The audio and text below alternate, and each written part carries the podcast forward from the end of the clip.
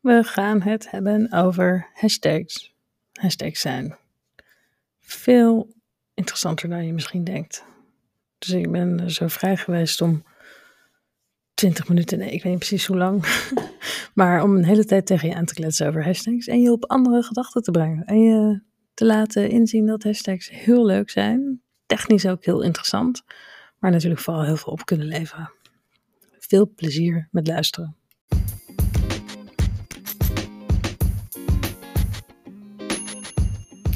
Hallo en welkom bij een nieuwe aflevering van de podcast Elja Denkt Door, waarin ik, Elja, graag met jou napraat en doordenk over alles wat te maken heeft met social media en marketing. We gaan het hebben over hashtags vandaag, maar voordat ik begin moet ik even zeggen dankjewel Bas. Je vindt Bas op Instagram als Protein Dragon. Dat ten eerste. Het is altijd goed om even reclame te maken voor andere Instagrammers. Um, maar ik moet Bas niet alleen bedanken voor het onderwerp van vandaag. Want daar kwam hij mee, dankjewel. Maar ook omdat hij me erop wees dat mijn volume te laag staat in deze podcast. Ik hoop dat ik het zo heb verbeterd. Maar dat zijn van die dingen die je niet weet tenzij iemand ze je vertelt. Dus dankjewel Bas. Nogmaals. Dan gaan we nu over naar het onderwerp van vandaag en dat is hashtags. Hashtags zijn een onderwerp waar ik in bijna iedere workshop en training en lezing over praat. En ik zeg er altijd bij, als het aan mij lag, konden we gewoon een uur over hashtags praten. Want hashtags zijn fascinerend, een fascinerende uiting van het internet. Zo zie ik het althans.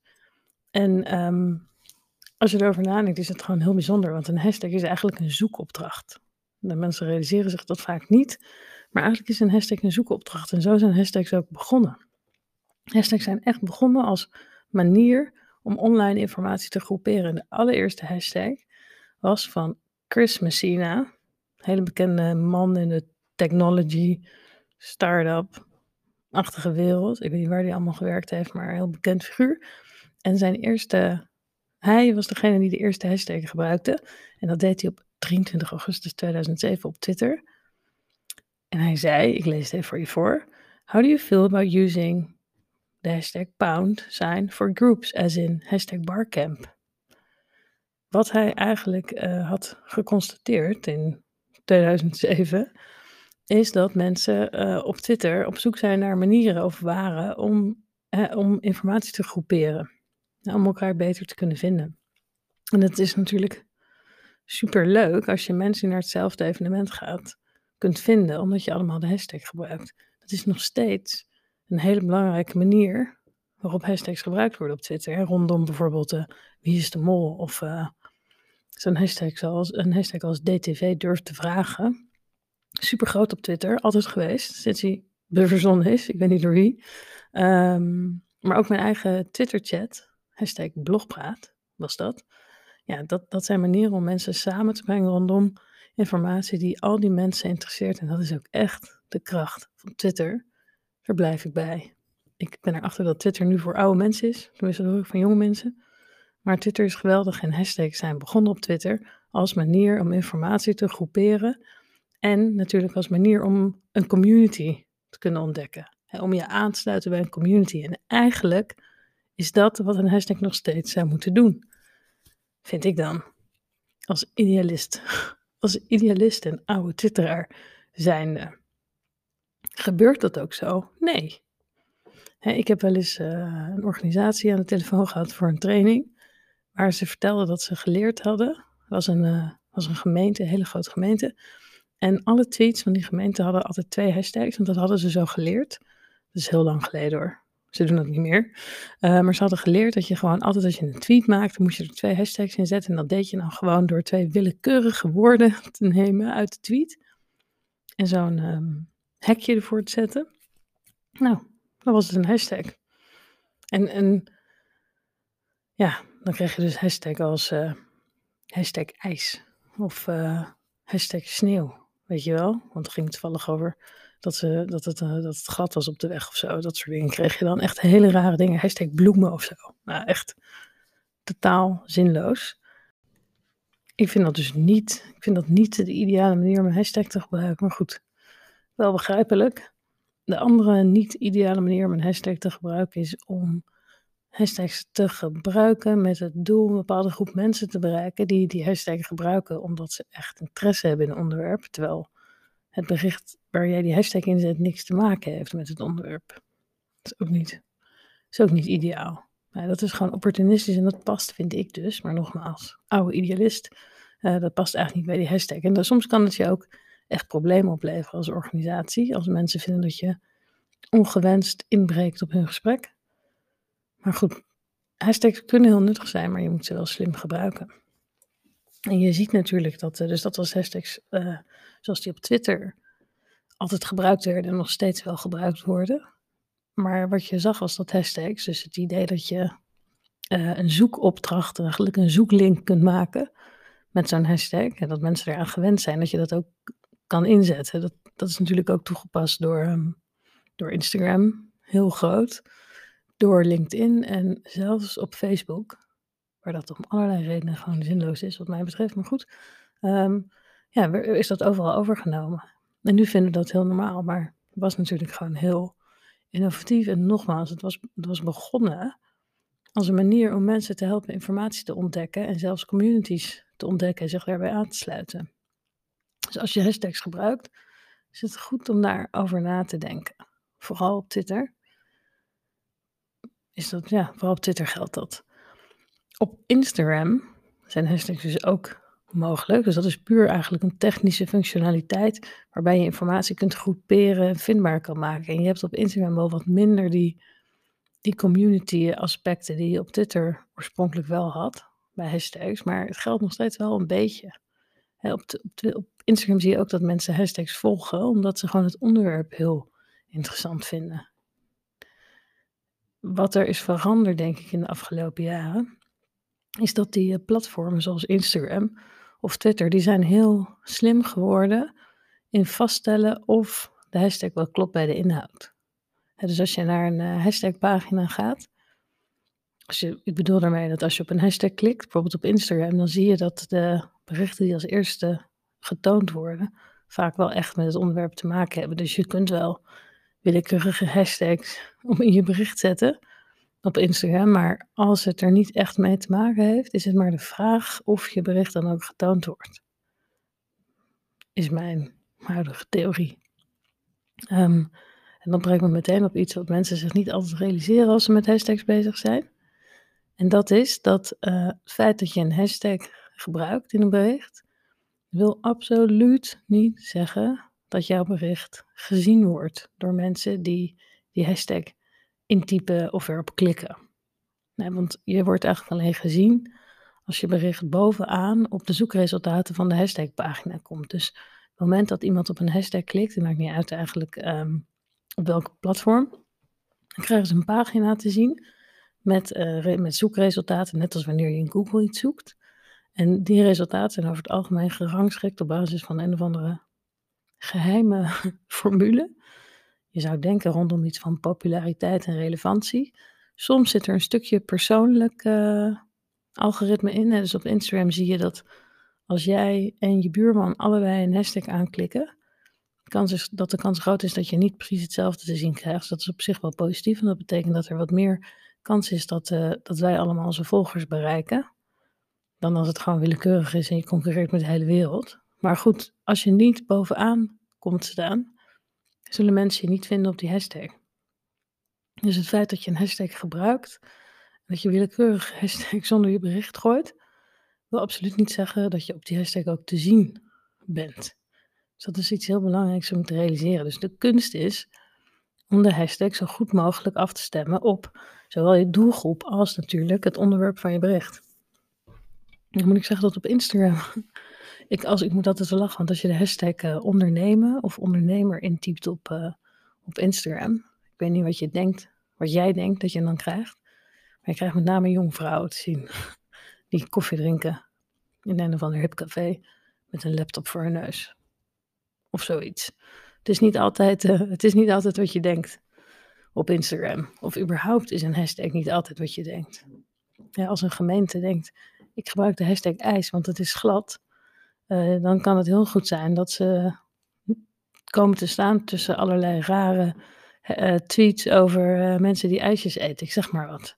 En je weet het gewoon niet. Dus heel belangrijk om hashtags te checken voor je ze gebruikt. Vooral als serieuze organisatie wil je niet tussen hele rare dingen komen te staan. En dat, dat risico zie ik vooral op Twitter. omdat bijvoorbeeld wat wij ijs noemen, kan ook de afkorting IES zijn, wat weer ergens anders voor kan staan. Want weer een uitdaging van hashtags is dat de hele wereld ze gebruikt. dus de hele wereld gebruikt hashtags. Dus als je een Engelstalige hashtag gebruikt, dan concurreer je ook waarschijnlijk met de hele wereld. Als het hashtag-algoritme van het platform waar je op bezig bent, bijvoorbeeld Instagram, slimmer wordt en begrijpt dat jij vooral Nederlandse resultaten wil zien, dan is dat probleem opgelost. Maar voor een heel groot deel is dat niet zo. Dan ben je dus aan het concurreren met de hele wereld.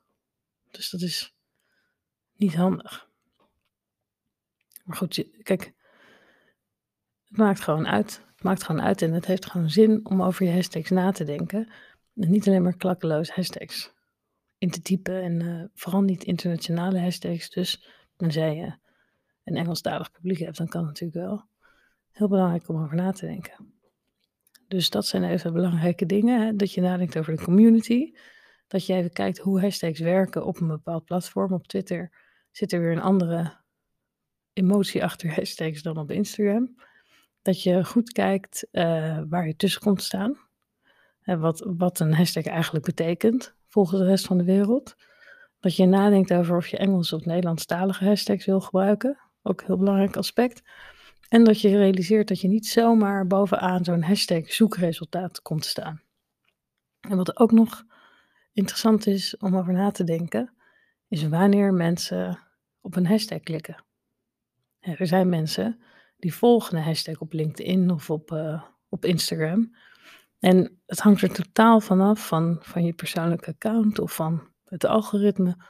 Of je dan ook berichten met die hashtag te zien krijgt van mensen die je niet volgt. Dus het lijkt een ideale oplossing. Hashtag volgen. Maar in mijn ervaring valt het soms een beetje tegen hoeveel van die berichten met die hashtag erin je ook te zien krijgt.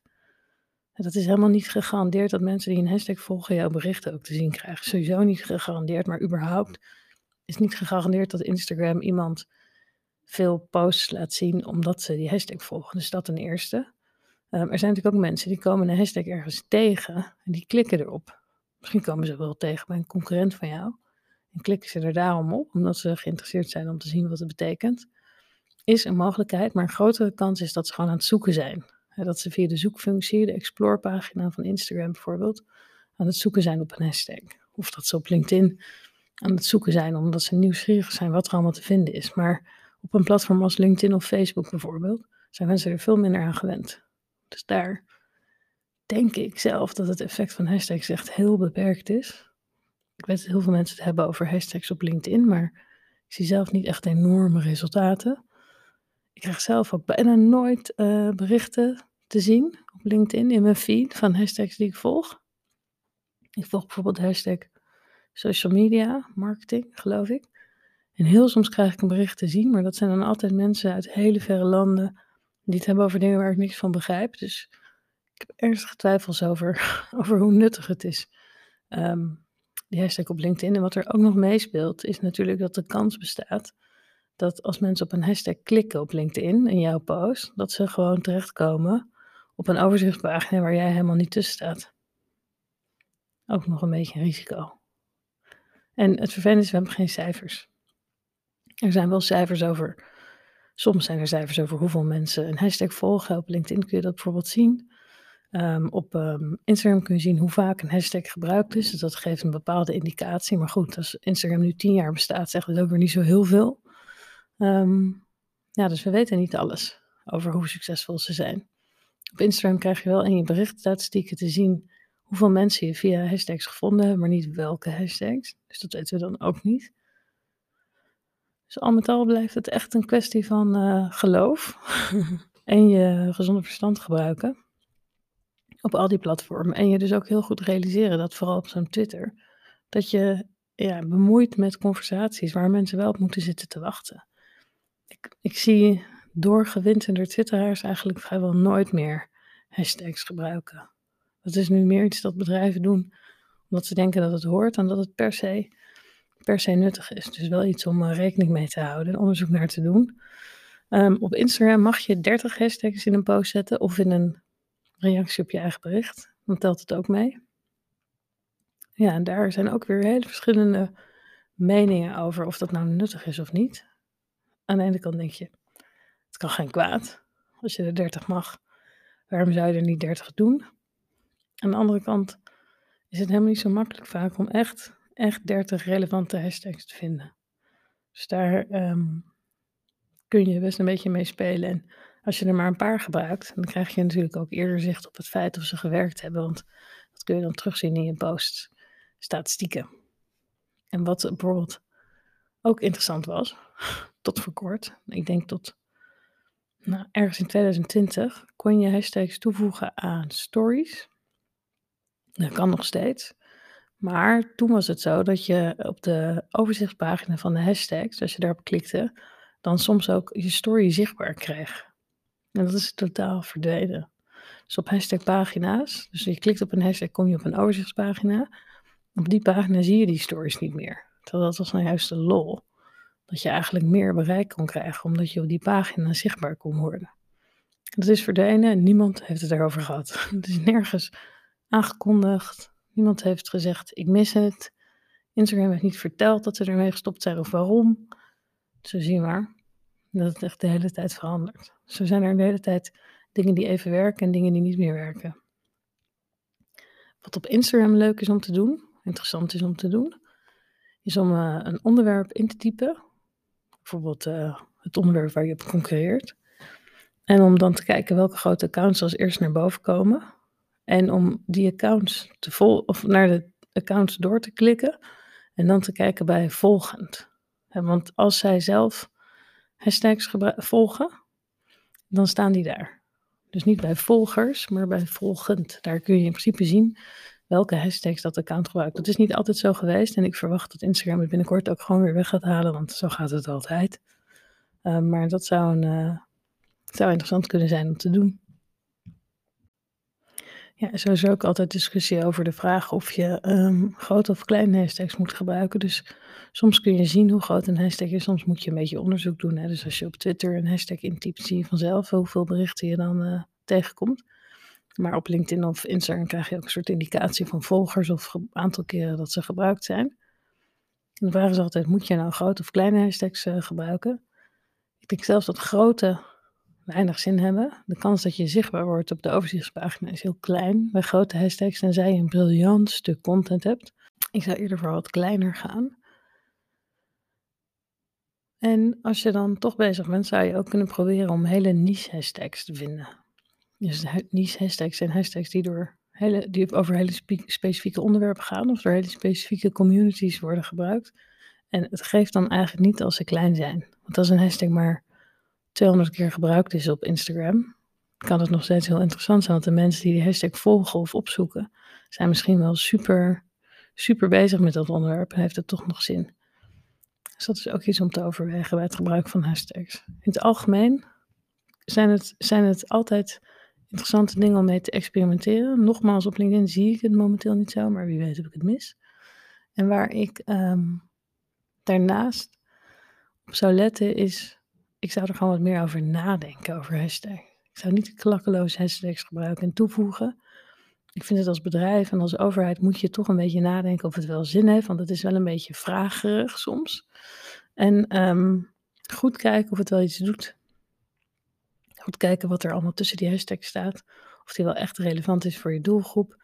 En ik denk overkoepelend dat het heel interessant is om niet zozeer hashtags te zien als iets die jou dienen, maar om ze te zien als iets die je doelgroep, om ze te zien als iets dat je doelgroep dient. Dat is misschien nog wel mijn belangrijkste tip. dus ga denken vanuit je doelgroep in plaats van vanuit jezelf. En ga kijken hoe je hashtags kunt inzetten. Samenvattend. Hashtags zijn interessanter en gecompliceerder dan je misschien denkt. Als je een hashtag gebruikt, wil dat niet zeggen dat mensen je kunnen vinden op die hashtags. Want je moet wel naar voren komen, zichtbaar zijn op de overzichtspagina van de hashtag. Dat gebeurt niet zomaar, dus check dat ook gewoon. Als je hashtags gebruikt, probeer dan te bedenken hoe je bericht met die hashtag aansluit bij wat mensen verwachten bij die hashtag. past het? Ga uit van de community dus en niet zozeer alleen maar vanuit jezelf en je wens om meer bereik te krijgen. En ga gewoon op onderzoek uit. Welke hashtags gebruikt je doelgroep? Welke hashtags gebruiken je concurrenten? Hoe succesvol zijn ze daarmee? En wat past? Maar wat je in ieder geval niet zou moeten doen, is willekeurige hekjes voor woorden zetten. Want dat werkt eigenlijk nooit. Heb je vragen? Je weet me te vinden. Ik ben heel benieuwd naar jouw eh, hashtag avonturen.